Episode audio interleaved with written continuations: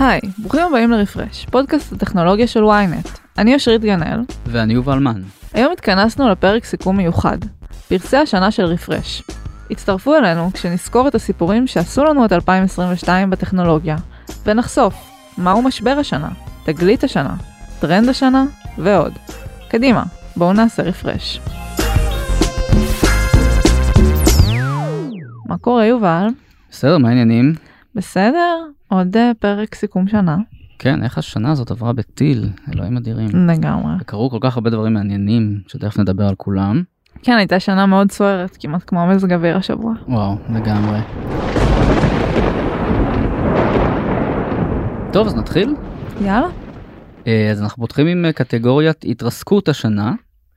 אה, וצריך להגיד, השנה לא הייתה מוצלחת כל כך בעולם הקריפטו.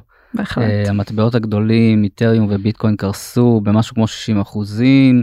Uh, ראינו לא מעט פרויקטים שקורסים במהלך השנה הזאת, ראינו את uh, צלזיוס שקורסת, את המטבע טרה שהיה אמור להיות מטבע יציב שצמוד לדולר אבל הוא לא היה כל כך יציב ולא כל כך uh, הצליח uh, להישאר צמוד לדולר. כן, גנבת הענק מאקסי אינפיניטי שדיברנו עליה בשבוע שעבר. כן, אחת הפדיחות של שבוע שעבר.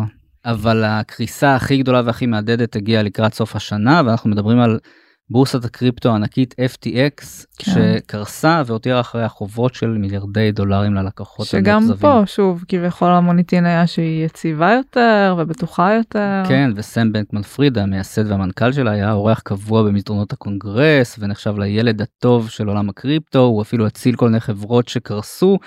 אבל מסתבר שהכל הייתה רק uh, הונאה הייתה הצגה. This morning we unsealed an eight count indictment charging Samuel Bankman Fried, FTX's founder, with a series of interrelated fraud schemes that contributed to FTX's collapse. We obtained a warrant for his arrest, and that arrest was executed yesterday in the Bahamas. Now, let me be clear. כן, זה קצת מזכיר את הסיפור של אליזבת הולמס, שגם uh, קרה השנה, בעצם uh, תדמית לחוד ו... מציאות לחוד. לגמרי. אז uh, נסביר בקצרה שמה uh, שקרה זה שבעצם בנקמן פריד uh, לקח כספים של לקוחות FTX שהם הפקידו בעצם בבורסה הזאת, uh, והוא העביר אותה לחברה אחרת שהוא הקים שנקראת אלמידה ריסרצ' והוא השתמש בכספים האלה uh, כדי להשקיע בחברות אחרות, כדי להשקיע ב... כדי לעשות תרומות פוליטיות, לרכוש נכסי נדל"ן ועוד כל מיני דברים נחמדים. ובסוף כשהוא אני מניח שהוא האמין שהשוק של הקריפטו יעלה ובסוף הוא יוכל להחזיר את הכסף הזה איכשהו אבל זה לא מה שקרה ראינו בשנה האחרונה את הקריסה של המטבעות האלה וברגע שהלקוחות רצו את הכסף שלהם בחזרה פשוט לא היה מאיפה להוציא אותו. Uh, וזה גרם לקריסה של FTX לפשיטת רגל uh, וגם למעצר שלו של סם בנקמן פריד uh, ולכתב אישום שהוגש נגדו uh, בגין הונאה. מה שמשחק לרעתו זה העובדה שהמנכ"לית של הלמידה ריסרצ' קרולין אליסון ומייסד שותף של FTX גרי וואנג שניהם הודו בהונאה והם משתפים פעולה עם הרשויות בתמורה להקלה בעונשם ככה שהעתיד של סם בנקמן פריד או SBF כמו שמכנים אותו נראה די עגום. כן וזה גם יש המון המון בעצם סעיפים וזאת הונאה בקנה מידה כל כך גדול שכנראה זה יהיה משפט שיימשך הרבה מאוד זמן. כן, אנחנו כנראה נשמע הרבה על SBF במהלך uh, 2023. טוב, נעבור לקטגוריית פרידת השנה. Uh, בעצם השנה גם היו לנו לא מעט uh, פרידות, אבל uh, אנחנו בחרנו ב... במהלך של אפל להיפרד מכרטיס הסים וממגירת הסים הפיזיים. כמו בכל שנה בספטמבר אפל השיקה בכל תרועה את סדרת האייפונים החדשה 14 במספרה. והפרידה מכרטיס הסים הפיזי באמת היו אחד החידושים או הבשורות הגדולים שיצאו מההשקה הזאת. Uh, והמעבר למכשירים ללא מגירת סים עם אי-סים. Now, for the first time, all US models no longer have the SIM tray, so you don't have to deal with the physical SIM card anymore. eSIM provides a simpler way to activate and use iPhone. זה בעצם קורה כבר בכל המכשירים שלה שהיא מוכרת בארצות הברית. זה מאפשר מעבר הרבה יותר קל בין ספקיות, זה מאפשר לאחסן כמה חשבונות שונים על אותו מכשיר, אבל מה שמעניין זה באמת שככל הנראה מדובר פה בסופו של עידן, ובזה שהיא תגרום לשוק להשתנות בהתאם ולעוד ספקיות להצטרף לטרנד הזה וכולי אולי גם נראה את זה גלובלי בקרוב. כן, זה מהלך ממש פרו צרכני של אפל. שממש נועד להקל על המשתמשים במקום ללכת לסניף של, החב... של ספקית התקשורת שלכם או לחכות לשליח או לדואר שבשביל לקבל את הסים הפיזי שלכם אתם פשוט יכולים בלחיצת כפתור או לחיצת כמה כפתורים לעבור מספקית לספקית וזה נורא קל כמו שהיום אנחנו מתנתקים מנטפליקס וחוזרים לנטפליקס אז זאת המטרה בעצם לעשות את זה נורא קל. אני השתמשתי באיסים לאחרונה בכמה נסיעות לחו"ל זה נורא כיף שלא צריך להתחיל לחפש איזה דוכן ולשלם ואז למצוא את הסיכה הזאת כדי להוציא את הסים הפיזי ולשמור אותו איפשהו וזה. פחות מסורבל. כן אתה עוד לפני הטיסה אתה כבר נרשם משלם כסף מתחבר לספקית הזאת וכשאתה נוחת זהו אתה מחובר. זה נורא נחמד ובאמת זה מהלך די מהפכני של אפל אני משער שעוד יצרניות ילכו בעקבותיה אני לא אתפלא עם סמסונג שמשיקה בקרוב את מכשיר הדגל של 2023 שגם תודיע על מהלך דומה וזה גם מודד את ספקיות התקשורת בישראל להתחיל לתמוך באיסים וזה ממש מבורך. אז אחלה אפל תודה. והגענו לטוויסט של השנה. אז במשך שנים נטפליקס סירבה לעשות שני דברים גם לשלב פרסומות בשירות שלה וגם להילחם בתופעת שיתוף הסיסמאות. אבל 2022 לא הייתה שנה רגילה בשביל נטפליקס אחרי שהיא צמחה במהירות מטורפת בימי הקורונה כשכולם התחברו לנטפליקס. במחצית הראשונה של השנה איבדה משהו כמו מיליון משתמשים. פעם ראשונה בעצם שהיא מאבדת משתמשים. כן וזה גרם לה בפעם ראשונה לשקול לעשות דברים שעד עכשיו היא לא כל כך התלהבה לעשות. After years of resistance, Netflix is taking the plunge. It's adding commercials. They're teaming up with Microsoft to help create an ad-supported tier on the platform. That gives customers the option for a low-cost plan. Now it comes as Netflix continues to struggle with subscriber growth. They're expected to announce. אז קודם כל באמת בנובמבר נטפליקס השיקה בפעם הראשונה שירות מבוסס פרסומות שבו צריך לצפות בפרסומות לפני שרואים סדרה או סרט. זה מינוי מוזל יותר שעולה 7 דולר בחודש והוא זמין כרגע בארצות הברית ובעוד כמה מדינות. אגב ממש לאחרונה דווח שלא מדובר בהצלחה ענקית ורק 9% מהמצטרפים לנטפליקס בחודש שעבר בחרו להצטרף למינוי המוזל הזה. מצטרפים חדשים. כן מצטרפים חדשים. מעניין האם יש בתוך המשתמשים הישנים כאלה שעברו אה, לאופציה הזאת. כן אז זה באמת היה אחד החששות של נטפליקס אה, שתהיה מין קניבליזציה של מעבר של משתמשים שמשלמים היום יותר כסף. למינוי המוזל מצד שני יכול להיות שבסופו של דבר הפרסומות האלה יכניסו לנטפליקס יותר כסף מאשר הדמי מינוי החודשיים של המשתמשים האלה. אגב גם דיסני פלוס השיקה ממש לאחרונה חודש מינוי מבוסס פרסומות זאת אומרת זה, זה טרנד ככה בעולם הסטרימינג. והדבר השני זה המלחמה במשתפי הסיסמאות שכאמור נטפליקס לא כל כך התלהבה ככה להיכנס למאבק באנשים האלה שמשתפים את הסיסמאות לפי הערכות 100 מיליון משקי בית ברחבי העולם צופים בנטפליקס עם חשבונות של אנשים אחרים זה המון כסף שנטפליקס מפסידה. ובשנה האחרונה נטפליקס עשתה כמה ניסויים בדרום אמריקה כדי לבדוק איך לגרום לאנשים כן לשלם על זה שהם משתפים אנשים אחרים מהחשבון שלהם. והיא כבר הודיעה שבשנת 2023 היא באמת תהיה הרבה יותר אקטיבית בנושא הזה ותתחיל להילחם בתופעה הזאת. אגב ממש לאחרונה דווח בוול סטריט ג'ורנל שכבר ב2019 בנטפליקס הבינו שיש להם בעיה עם התופעה הזאת של שיתוף הסיסמאות אבל הם לא כל כך מיהרו לטפל בזה משתי סיבות. קודם כל הם הבינו שזה באמת מורכב להחליט מה מותר ומה אסור האם לילד שעזב את הבית של ההורים שלו ועכשיו לומד בקולג' האם הוא אמ, כן לתת לו להשתמש בחשבון של ההורים לא לתת לו וגם מה שקרה זה שהקורונה בעצם די פתרה להם את הבעיה הזאת פתאום היה להם זינוק ענק במספר המשתמשים אז הם שמו את זה בצד לכמה שנים ועכשיו ב2022 כשהמצב לא כל כך מזהיר כמו בעבר הם חוזרים לטפל בבעיה הזאת. כן.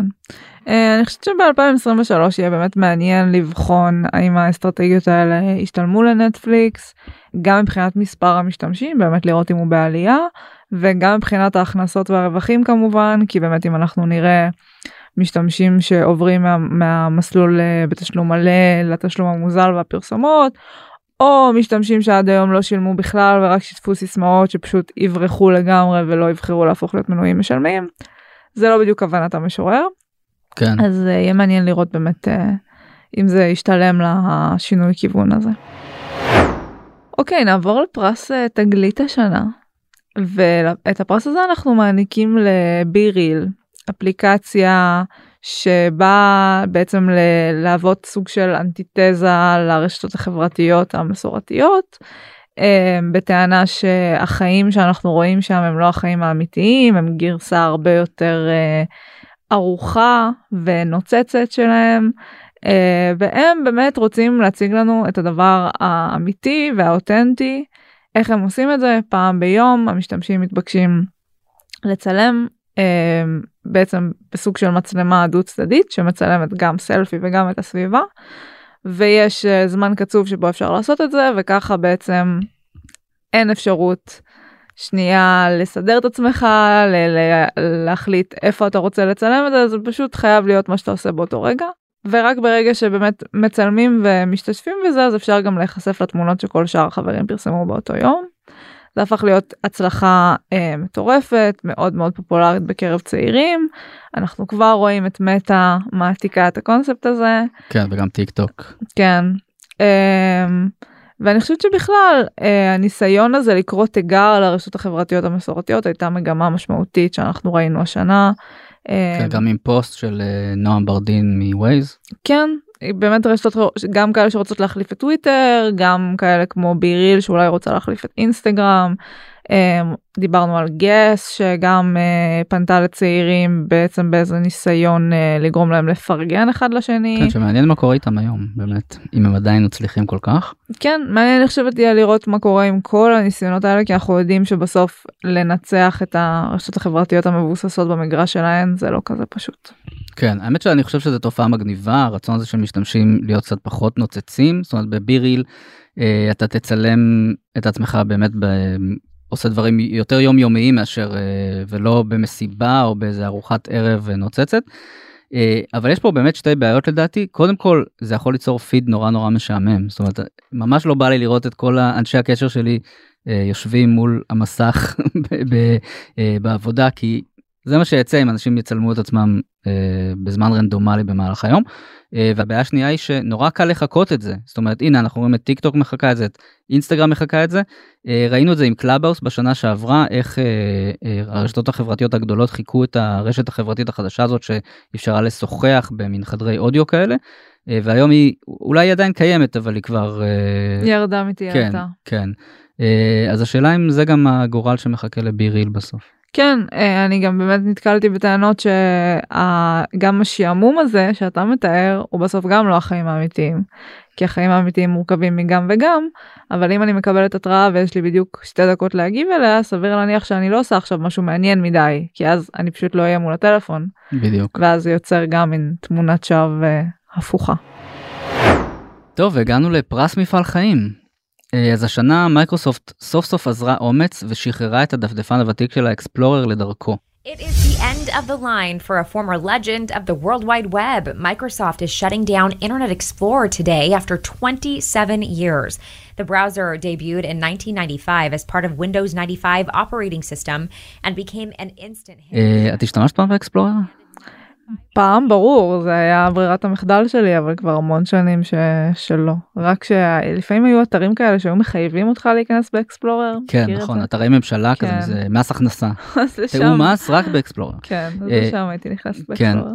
אה, אז אקספלורר הושק כבר ב-1995 ואני כל כך זקן שאני זוכר עוד את האינטרנט לפני אקספלורר אני זוכר את נטסקייפ נביגייטור mm-hmm. שבשנים ההם היה באמת הדפדפן אה, הכי הכי אה, דומיננטי בשוק אבל מייקרוסופט במהלך די גאוני היא גם השיקה את האקספלורר שנלחם בו אבל היא גם שילבה אותו בווינדוס 95 וככה בעצם היא הצליחה לנצח אותו כי בעצם כשקיבלת דפדפן מובנה במערכת הפעלה שלך לא היית צריך להוריד נטסקייפ נביגייטור.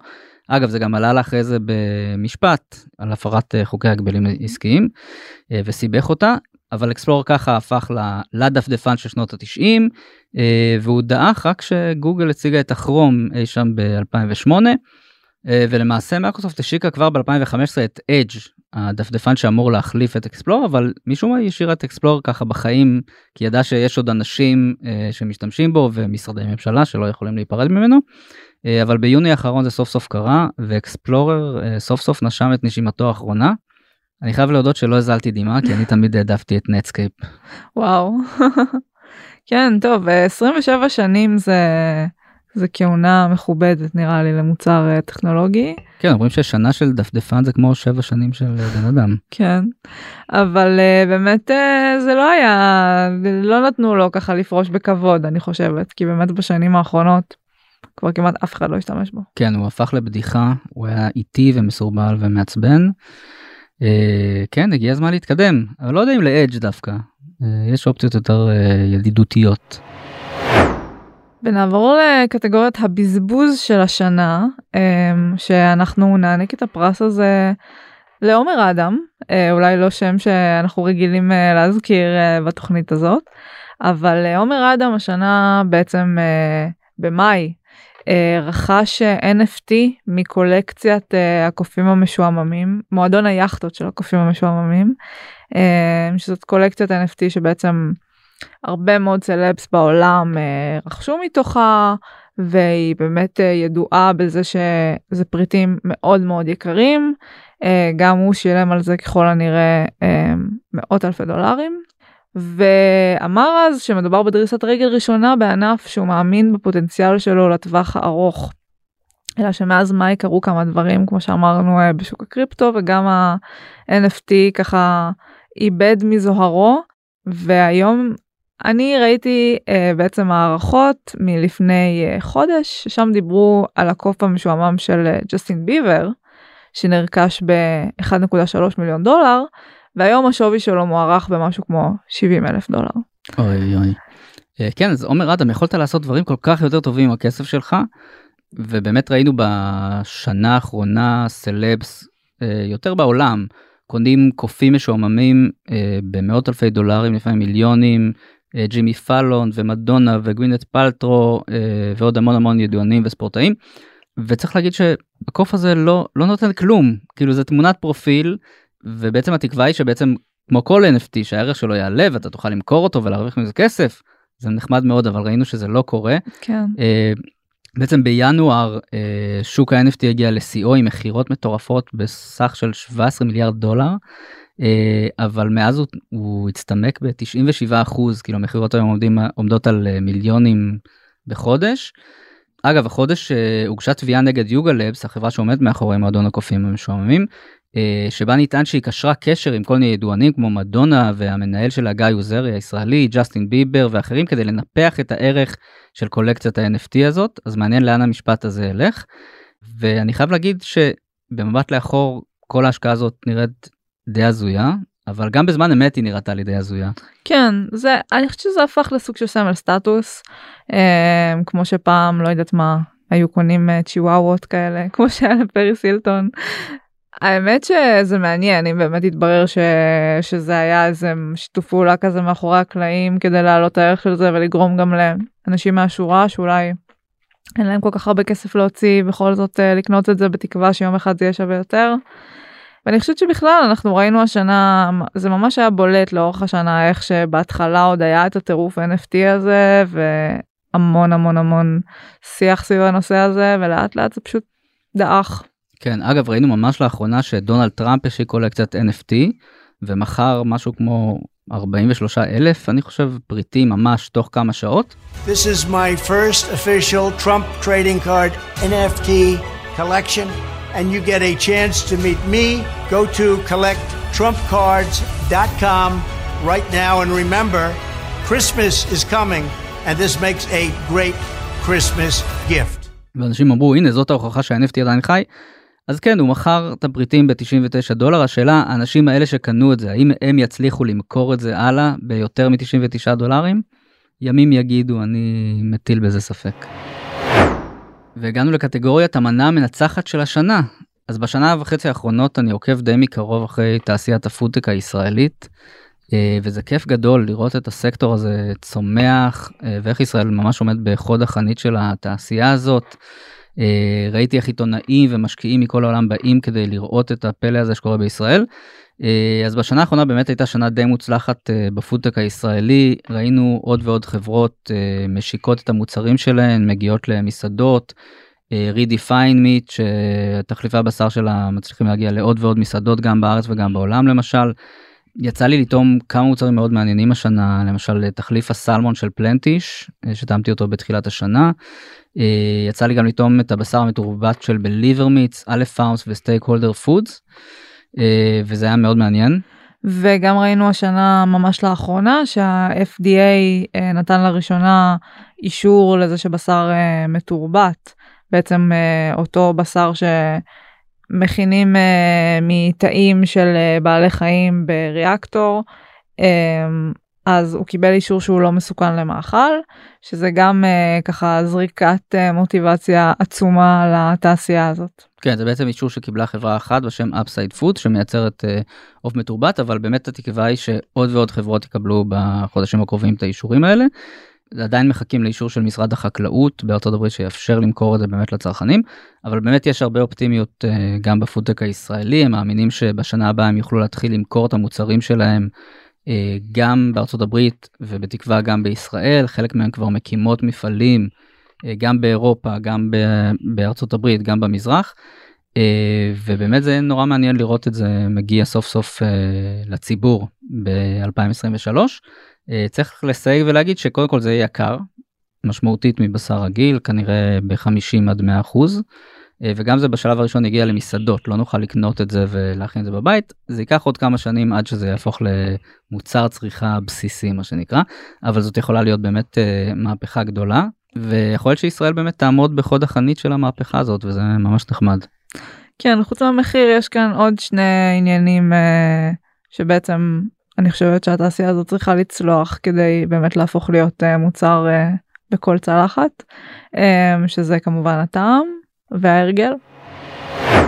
ובפרס החקיקה המשפיעה של השנה, אז קודם דיברנו על איך שאפל כנראה הולכת לשנות את השוק במובן של הפרידה מכרטיסי הסים הפיזיים, שתאלץ גם את הספקיות להתיישר לסטנדרט החדש. אז אה, בפרס החקיקה המשפיעה אנחנו מדברים בעצם על פרידה שהאיחוד האירופי בתורו מאלץ את אפל לעשות, שזה אה, ממחבר הלייטנינג שלה, אה, בעצם שעד היום היא השתמשה בו כדי להטעין את האייפונים ומכשירים נוספים. ובעצם מכריחים אותה לעבור ל-USB-C. Today the European Union approved a plan which would force all companies, including Apple, to make mobile devices that use the same charger. Mobile devices must be compatible in Europe by the fall of 2024.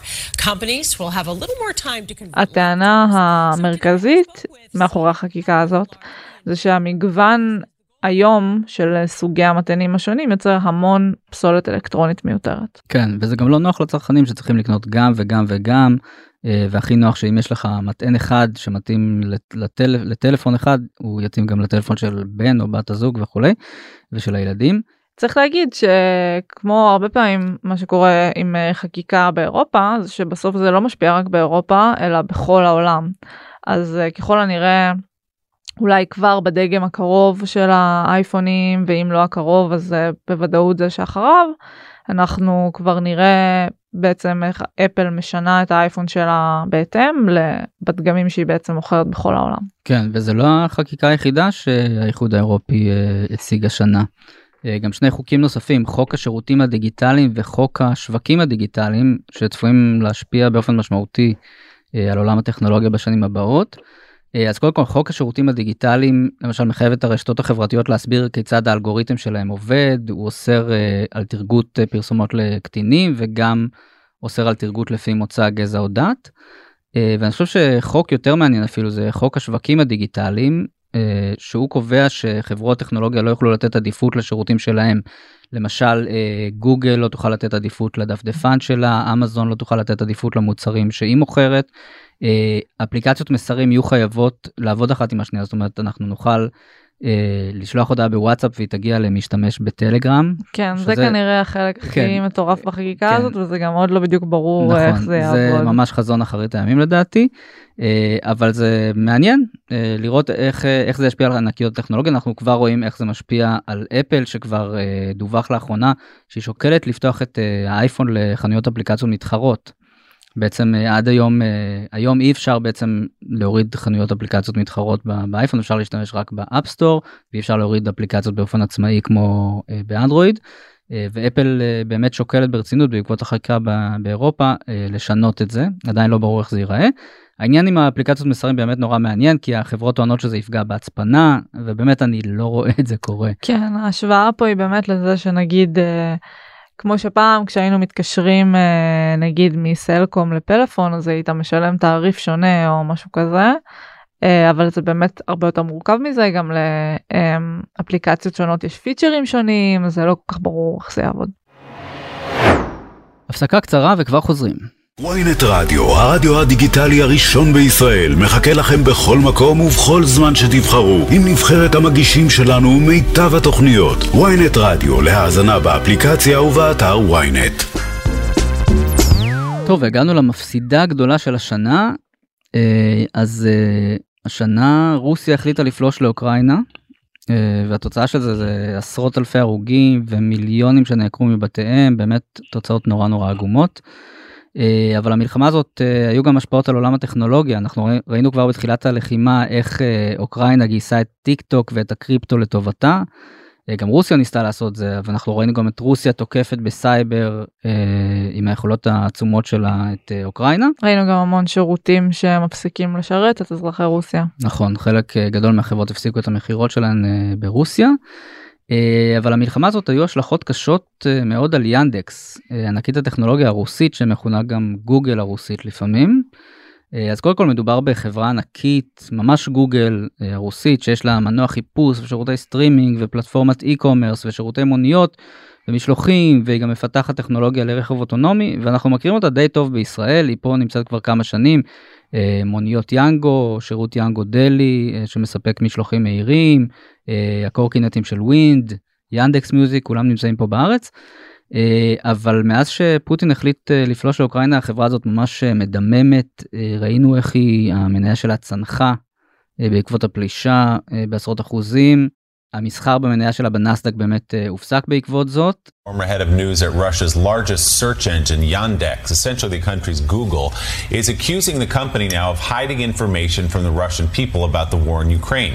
In a Facebook post on March 1st, היא גם ספגה הרבה ביקורת על זה שהיא בעצם שיתפה פעולה עם הצנזורה הרוסית בתחילת הלחימה והצניעה דיווחים על המלחמה, וזה גרם לה בעצם למכור את שירותי החדשות שלה למתחרה שלה הרוסית VK.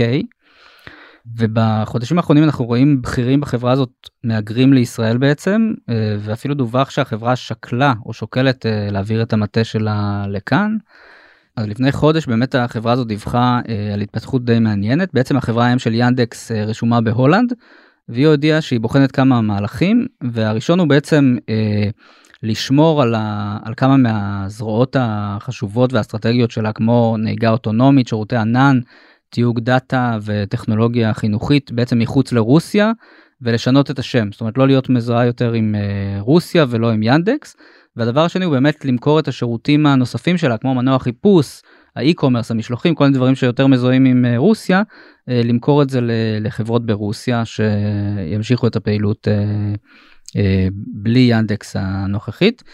אנחנו עדיין לא יודעים אם זה יקרה כן, אין ספק שאנדקס שילמה אה, מחיר כבד על המלחמה הזאת. אה, היא בעצם נתקעה כזה בין אה, בעצם לחץ פנימי מתוך רוסיה, למשל לעמוד בחוקי הצנזורה וכולי, ובין המון ביקורת במערב, וגם מדינות אחרות שהיא פעלה בהן חששו מאיסוף המידע ומה קורה איתו וכולי. טוב, בשנה הבאה כנראה נדע יותר טוב לאן ינדקס הולכת. הרגע הביזארי של השנה. Walk us through some of the experiments you started to do that yeah. led you to this conclusion that Lambda is sure. a person. So it started out, I was tasked with testing it for AI bias, uh, figuring that's my expertise. Um, בקיץ, מהנדס תוכנה בגוגל בשם בלייק למוין הכריז שהבינה המלאכותית של גוגל פיתחה תודעה ולכן יש להתייחס אליה בתור uh, בן אדם. סך הכל uh, יום שגרתי כן, במשרדי נשמע, גוגל. נשמע הגיוני סך הכל. בעצם מדובר על, ה, על הצ'טבוט של uh, גוגל שמבוסס על מודל השפה למדה. Um, למוין פרסם חלק מהשיחות שהוא uh, ניהל עם אותו צ'טבוט כדי להוכיח לעולם שהוא פיתח תודעה. הסיפור הזה מסתיים בפיטורים שלו מגוגל בגלל שהוא הפר את כללי הסודיות בחברה. וכמובן עושה המון המון המון כותרות, כי פתאום מישהו פנימי מתוך גוגל שעובד בתחום הבינה המלאכותית מכריז הכרזה כזאת. אבל uh, אנחנו יודעים שההכרזה הזאת רחוקה מלהיות מדויקת. כן, אז קודם כל צריך להגיד כמה דברים על בלייק למוין. Uh, הוא לא ממש מהנדס טיפוסי בגוגל, uh, הוא מגדיר את עצמו ככומר בזרם המיסטי של הנצרות, והוא כבר הודה שהגישה שלו ללמדה נובעת מהאמונה הדתית שלו ולא מהיותו מהנדס, זאת אומרת יש פה איזה עניין דתי. Uh, והדבר השני הוא שהוא לא היה מעורב בפיתוח של למדה, הוא בעצם התפקיד שלו היה, הוא היה חלק מצוות שהיה אמור לבדוק את הצ'טבוט הזה ולבדוק אם, אם התשובות שהוא נותן הוא מוטות, כי אנחנו יודעים שהטיה, bias, בעיה חמורה ב-AI, ה-AI הזה, מודל של בינה מלאכותית בעצם משחזרים הטיות מהחיים האמיתיים, נגד מיעוטים, נגד נשים וכולי. אז בעצם הוא לא באמת היה מעורב בפיתוח של זה, אבל השיחות שהוא ניהל עם למדה שכנעו אותו אה, שמדובר בבן אדם והוא אפילו שקל לשכור עורך דין עבור הבן אדם הזה והוא דרש מגוגל להפסיק אה, לעשות ניסויים בבן אדם הזה בלי לקבל הסכמה. שזה באמת היה ביזארי עכשיו הוא נכנס לאיזה ויכוח אה, ארוך של כמה חודשים עם המנהלים שלו וברגע שהוא הבין שהם לא מאמינים לו הוא פשוט יצא עם זה לתקשורת. אז באמת צריך להגיד זה לא נכון אה, לבינה מלאכותית היום אין תודעה. אה, וספק אם אי פעם תהיה תודעה אבל מה שמעניין באמת ראינו את השיחות שלמוין ניהל עם למדה וזה באמת שיחות מדהימות. ברמה מאוד גבוהה. כן, כן. ברמה מאוד גבוהה אמ, והבינה המלאכותית הזאת באמת מאוד משוכללת ואני חושב שהבנו את זה אה, כשיצא צ'אט gpt של OpenAI שזה בעצם מודל די דומה שיודע לעשות פחות או יותר אותם דברים וראינו כמה הטכנולוגיה הזאת באמת מדהימה ובאמת בן אדם כן, שאולי הוא פתוח לציבור בניגוד כן. למודל של גוגל שהוא כן. לצרכים פנימיים. אגב שזה גם מעניין שגוגל חוששת uh, לפתוח את המודל שלה לציבור אבל באמת כשרואים את זה בזמן אמת ורואים איך המכונה הזאת נותנת לך תשובות uh, מנוסחות בצורה אנושית כל כך מהר uh, בן אדם שהוא לא כל כך מכיר את הטכנולוגיה הזאת אולי באמת יכול לחשוב שמדובר uh, בקסם. כן אז לבלבול הזה יש שם זה נקרא אפקט אלייזה, זה משהו שידוע עוד משנות ה-80. אלייזה הייתה תוכנה מ-1980 ששוחחה בכתב בסגנון של פסיכולוגית עם המשתמשים, והמשתמשים בעצם האמינו שהם ניהלו שיחה אה, אמיתית, וכל זה רק על ידי תשובות פשוטות כמו ספר לי עוד על זה. אמ, זה באמת uh, תופעה מוכרת וזה גם עשוי להביא לכל מיני תוצאות טרגיות הבלבול הזה זה שאנשים באמת לא תמיד יכולים להבדיל כמו למשל לאנשים שהתאהבו בצ'טבוטים או יאמינו שבאמת יש להם חבר אמת או כן ראינו זה בסרט הר לפני כן. כמה שנים. מומלץ. אז uh, זה גם משהו שאני חושבת שצריך לקחת בחשבון uh, כשאנחנו מתקדמים קדימה עם המודלים האלה לא את זה שהם יפתחו תודעה אלא את זה שאנשים עשויים לבלבל את זה כתודעה וזה עלול להשפיע עליהם לרעה. כן וגם דיברנו פה על השם שהוא מטעה בינה מלאכותית אה, אין פה באמת בינה. ולכן אה, אולי עדיף להשתמש במונח המקצועי שנקרא למידת מכונה כי זה מה שזה זה לא בינה אה, וספק אם זה אי פעם יהיה. טוב הגענו לקטגוריית משבר השנה. צריך להגיד שהקורונה הייתה תקופה ממש טובה לרוב חברות הטכנולוגיה אה, הכנסות שלהם זינקו אנחנו ראינו איך אנשים מסתגרים בבתים ועוברים לקניות אונליין ונרשמים לשירות סטרימינג ולעוד שירות סטרימינג ועושים המון דברים ברשת באמת החברות האלה צמחו בצורה נורא נורא מהירה. אה, ואז כשיצאנו מהקורונה אז ראינו איך ההכנסות האלה גם יורדות ואיך אה, שוק ההון קצת יורד. והגענו למצב שבו חברות טכנולוגיה רוב חברות הטכנולוגיה הגדולות מפטרות בשנת 2022. I want to say you know, front uh, that I take full responsibility for this decision. Um, you know, I'm the founder and CEO. I'm אני חושב שהפיטורים הבולטים ביותר היו במטא, שפיטרה משהו כמו 11 אלף עובדים, חלקם גם בישראל. ומרק צוקרברג אמר משהו מעניין שהוא בעצם טעה בהערכות שלו הוא חשב שהצמיחה הזאת בקניות ברשת תימשך גם אחרי הקורונה אבל הוא טעה כי אנשים אה, כשהקורונה נגמרה אנשים רצו לחזור אה, ולפגוש בני אדם אמיתיים, אה, שזה בכלל כדאי שצוקרברג אה, יבין את הסיפור הזה. כן, זה בכלל מתקשר לכל המשבר בשוק ההון, שמושפע גם מהמלחמה באירופה וכולי, והגל פיטורים הזה זה באמת איזה התפכחות כואבת אחרי באמת החגיגה של כל הגיוסים והערכות שווי מטורפות והפינוקים שראינו בהייטק לפני זה. אז פתאום ממש אה, זה כזה צניחה כואבת. נכון, רגע עצוב. אה, אז באמת ראינו את טוויטר מפטרת אה, חצי מכוח העבודה שלה בארצות הברית, כ-3,500 עובדים. אמזון יצא למהלך של פיטורים של כ-10,000 עובדים. מייקרוסופט פיטרה כ-1,000 עובדים. גוגל לפי כל הערכות הולכת לפטר כ-10,000 עובדים ב-2023 וכבר ביקשה ממנהלים לסווג עובדים עם ביצועים נמוכים. אפל אנחנו אף פעם לא יודעים מה קורה שם אבל זאת חברה שיחסית הצליחה אה, לשמור על אה, מצב טוב גם כן. במשבר הנוכחי.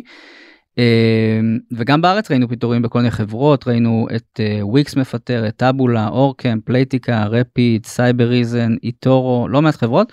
באמת כמו שאמרת אני חושב שב-2021 החגיגות בהייטק באמת הגיעו לאיזה שיא ראינו המון אה, גיוסים והשקעות ומסיבות וכל שבוע התבשרנו על איזה הנפקה חדשה או יוניקורן חדש. אה, ואני חושב שמי שחשב שהחגיגה הזאת אה, תימשך לנצח הוא כנראה לא ממש אה, מנהל טוב. אה, ולצערי אני לא רואה את המצב הזה משתפר דרמטית בחודשים הקרובים אולי דווקא להפך. טוב נותרו לנו עוד uh, שלושה פרסים לחלק. אז uh, את הפרס הבא אני חושבת שמטה בטח לא ירצו להגיע לסוף זה פרס uh, התפכחות השנה שאנחנו מעניקים אותו לחזון המטאוורס. ובאמת uh, זה גם משהו שאני חושבת שבתחילת השנה עוד דיברו על המטאוורס בתור איזה הבטחה מאוד גדולה. זה עדיין לא היה ברור לאף אחד בדיוק מה זה אומר אבל המון אנשים באמת ניסו יותר להבין וניסו להיכנס לזה וראינו את זה למשל ברכישות אה, של נדל"ן בכל מיני פלטפורמות מטאוורס בהמון המון כסף. כן, כל מיני רשתות מזון שנכנסו למטאוורס קנו נדל"ן. כן והיום כבר קצת פחות מסתכלים על זה ככה באמת אנחנו רואים אה, אצל מטא שבתחום הזה יש הפסדים שהולכים ותופחים. הקהל נותר די אדיש לזה, אה, המניה בצניחה חופשית. באמת בתחילת השנה באמת עוד ראינו את ההתלהבות הזאת מהמטאוורס אה, אני חושב שזה אה, דעך קודם כל בתקופה של משבר כלכלי אנשים לא ממהרים להשקיע בטכנולוגיה עתידית שלא ברור מתי היא תישא פרי אז אני חושב שזאת כן. סיבה אחת. ואני חושב שגם הביצועים עד עכשיו לא היו מספיק טובים זאת אומרת לא הייתה סיבה מספיק טובה אה, כדי לגרום לאנשים להיכנס למטאוורס. אנחנו רואים את הפלטפורמות הורייזן אה, של אה, מטא שלא מצליחות באמת אה, לצבור תאוצה אנשים לא כל כך מתלהבים מהם וגם אין מכשירים כל כך שמתאימים המשקפי מציאות מדומה. אה, למרות שקווסט 2 זה ציבור הצלחה ענק עם משהו כמו 20 מיליון יחידות שנמכרו כבר. זה עדיין נישה זה לא וגם לא... ה-use case הוא לא לגמרי ברור כן. זאת אומרת בגיימינג אוקיי אנחנו מבינים גיימינג אבל כשבאים אומרים לנו בואו תיכנסו לפלטפורמה ותתחילו לבנות אותה בעצמכם. כן למה ובוא... לאיזה מטרה כן ובואו לפגוש אנשים שאתם לא מכירים כאילו אה, כן צוקרברג מדבר כל הזמן על הפן החברתי של המטאוורס כמו שהוא חיבר אותנו בפייסבוק הוא רוצה לחבר אותנו גם שם ואנשים באמת לא כל כך מתלהבים מזה ולכן ה use case העיקרי הוא באמת גיימינג אה, אה, אה, באמת באוקטובר וול סטריט ג'ורנל דיווח שאפילו העובדים של ריאליטי לבס החטיבה הזאת באמת שאחראית על בניית המטאוורס הם בעצמם לא מתלהבים מהורייזן והחברה מנסה לאלץ אותם להשתמש בהורייזן לפחות פעם בשבוע. אה, דווח שם עוד נתון מדהים שחצי מקסדות הקווסט 2 של מטא לא נמצאות בשימוש חצי שנה אחרי הקנייה. שזה גם די מדהים אולי זה מוצר נורא מצליח בחנויות אבל בסוף לא משתמשים בו או לפחות חצי מהרוכשים לא משתמשים בו ולמרות כל זאת אה, צוקרברג ממשיך להתעקש בכל אה, הכוח כן הוא מסרב לוותר על הדבר הזה הוא, והוא מוציא משהו כמו 10 מיליארד דולר בשנה על פיתוחים שקשורים למטאוורס. אני חושב שאין ספק שמציאות מדומה ומציאות רבודה כן ישחקו תפקיד משמעותי בעתיד אבל אני חושב שהוא ממש מקדים את המאוחר. Uh, הגישה של אפל וגוגל שעושות דברים הרבה יותר לאט ובשקט היא הרבה יותר הגיונית פה. כן. אה, אי אפשר לכפות את המטאוורס על האנשים זה זה משהו שיקרה בהדרגה.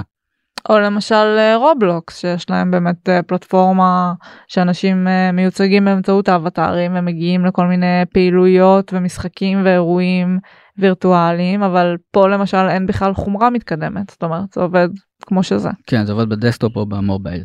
אגב צריך להגיד זה לא רק זה לא רק צוקרברג זה חזון של הרבה חברות אה, בעולם הטכנולוגיה שמדברות על המטאוורס אה, ולא ברור באמת אם זה יקרה מתי זה יקרה ומי באמת ישלוט במטאוורס העתידי הזה. טוב ועכשיו אה, פרס הדרמה הטובה ביותר. אה, היו דרמות השנה? מה פתאום? לא מה פתאום. חוץ מבטוויטר כמובן. Are following breaking news. The deal is done. Twitter has been sold to Elon Musk.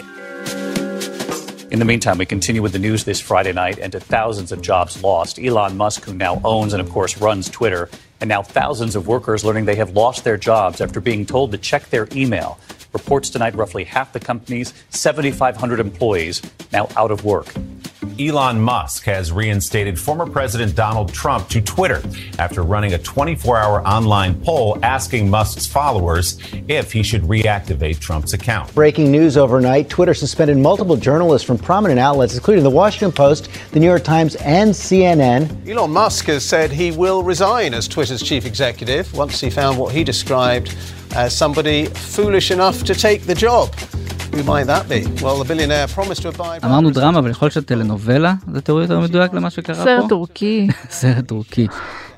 כן אנחנו מדברים על עסקת מאסק טוויטר שליוותה אותנו ממש כמעט מתחילת השנה זה היה סאגה בלתי נגמרת.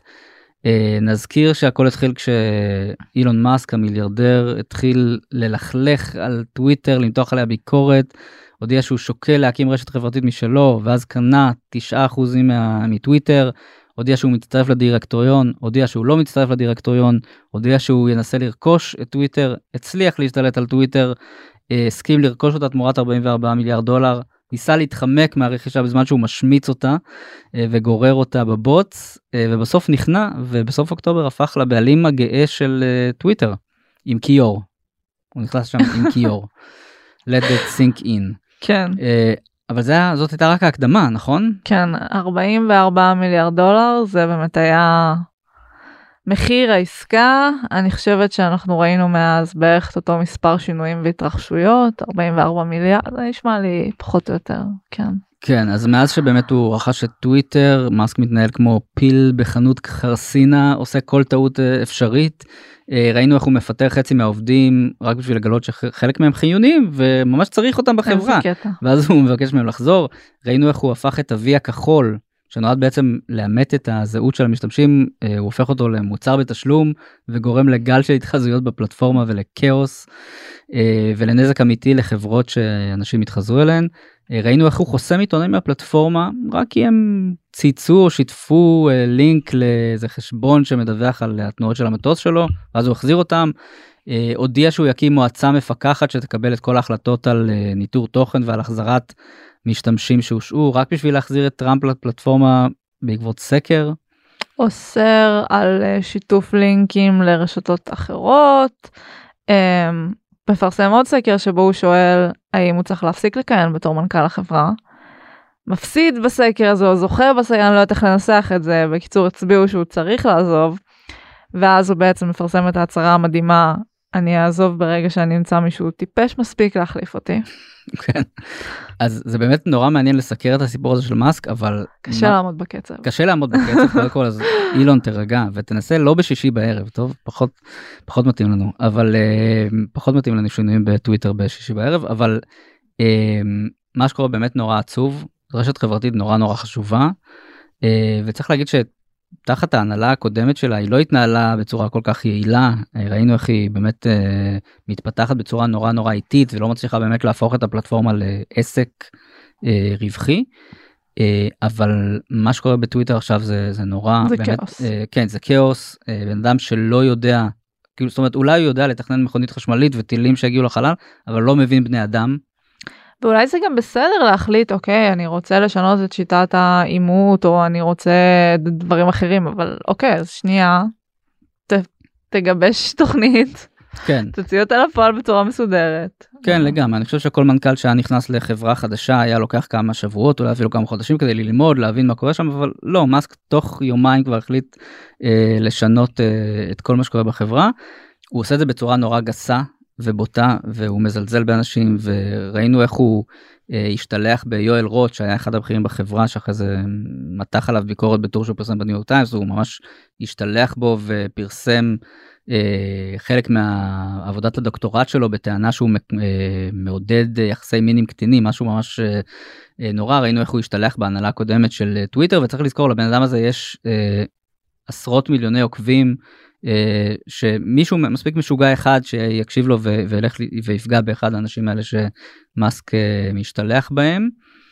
ובסוף אה, טוויטר תלויה במשתמשים שלה זאת אומרת אם המשתמשים החשובים זאת אומרת העיתונאים והפוליטיקאים שהופכים אותה לכיכר העיר ולכזאת רשת מעניינת יעזבו לא יישאר הרבה מטוויטר.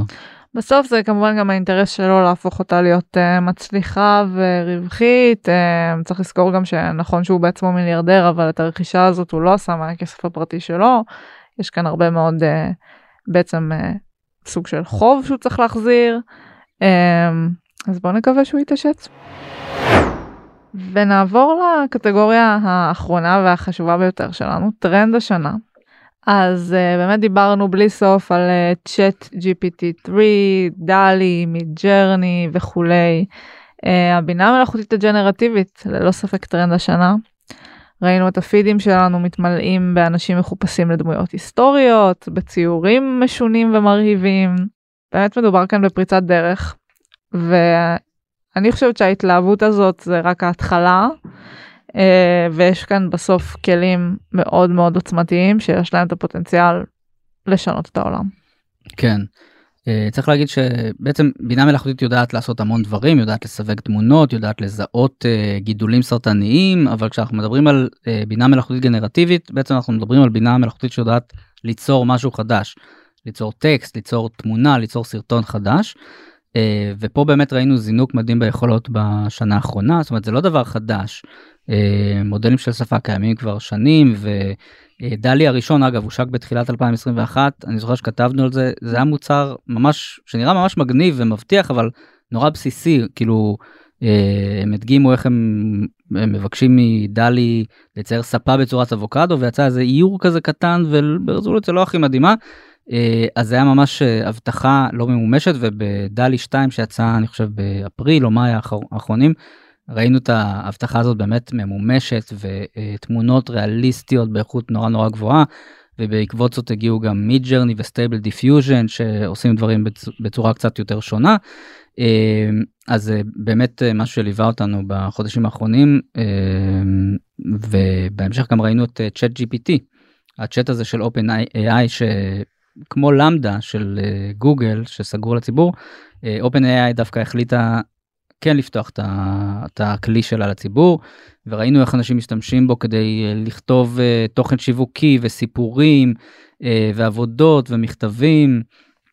זה נורא מעניין אגב אני ביקשתי מצ'אט gpt לתאר לי בינה מלאכותית בסגנון של המינגווי והיא באמת יצרה איזה סיפור כזה של המינגווי שמתאר מה זה ai וזה יצא תוך שניות מגניב כן. מאוד. אמ, באנגלית כמובן, באנגלית. בעברית זה עדיין לא מתוחכם כל כך. נכון, אגב יש איזה כבר איזה מנוע אה, כלי ישראלי שמשתמש ב-GPT-3 במודל השפה של OpenAI, אני חושב שנקרא גקו, אה, השתמשתי בו קצת, אה, זה נחמד אבל זה לא כמו לא כמו באנגלית. זאת אומרת התשובות לא לא כל כך אה, מתוחכמות ומדויקות כמו באנגלית. וגם חשוב להזכיר שהתשובות של צ'אט gpt הם לא תמיד נכונות הוא יכול אה, לתת לך תשובות לא נכונות אה, ולהטעות אותך ולכן אה, אי אפשר עדיין להסתמך עליו לחלוטין. כן, בכלל יש במגמה הזאת גם המון סכנות והמון שאלות שזה מעלה ודברים שצריך לקחת בחשבון ואני חושבת שאנחנו באמת רק בתחילת הדרך של להבין איך אנחנו כחברה מתנהלים ומתייחסים סביב הכלים החדשים והמאוד עוצמתיים האלה שקיבלנו. כן ראינו uh, באמת איך uh, אנשים מדברים על צ'אט gpt כיורש פוטנציאלי של uh, מנוע חיפוש של גוגל. וניו יורק טיימס דיווח לאחרונה שגוגל ממש בהיסטריה והכריזה על קוד רד בעקבות ההתפתחות הזאת הרי לגוגל יש את למדה והם מהססים לשחרר אותה בגלל אותם סיבות בגלל ההטייה בגלל חוסר הדיוק בגלל שאין מודל עסקי עדיין הרי גוגל מרוויחה את רוב הכסף שלה מפרסומות mm-hmm. בתוצאות של מנוע חיפוש, השאלה איך היא תרוויח כסף אם היא תשחרר את למדה בתור תחליף כלשהו אה, למנוע חיפוש. אה, אבל יכול להיות שבעוד כמה שנים כן זה יקרה ואנחנו נשאל שאלה במנוע חיפוש ונקבל תשובה מפורטת לא נצטרך לעבור בין כל מיני לינקים. זה יהיה עתיד אה, מאוד מעניין. וכמובן שגם הכלים האלה שעושים בינה מלאכותית ג'נרטיבית שנוגעת לתמונות אז יש כאן המון שאלות על אה, אומנות וזכויות יוצרים. נכון וגם ראינו התחלה של אגב בינה מלאכותית גנרטיבית בווידאו. אנחנו פרסמנו עבודות של טלי דקל ממכון ויצמן. אה, עם מודל שהם פיתחו שם של אה, מניפולציה בסרטונים בעצם. אה, מטה חשפה איזה מודל שהיא עובדת עליו. סביר להניח שגם OpenAI וגוגל עובדות על מודלים דומים ואנחנו נראה אותם בשנים הקרובות. אז אפשר להגיד שהבינה המלאכותית הגנרטיבית כאן להישאר. ואם הנושא הזה מסקרן אתכם אז אתם מוזמנים לקרוא עליו עוד בפרויקט שפרסמנו מהפכת ה-AI. עד כאן סיכום השנה של רפרש ל-2022. כדי להזין לפרקים הבאים שלנו, עקבו אחרינו בוויינט, בספוטיפיי או איפה שאתם שומעים פודקאסטים. דרגו אותנו באפל פודקאסט ובספוטיפיי, ותשלחו את הפרק לחברים שחייבים לעשות רפרש. נשמח לראות אתכם גם בקהילת רפרש בפייסבוק. עורך הפודקאסטים שלנו הוא רון טוביה, על הסאונד גיא סלם. תודה לאושית גנאל, אני יובל מן. נתראה ב-2023.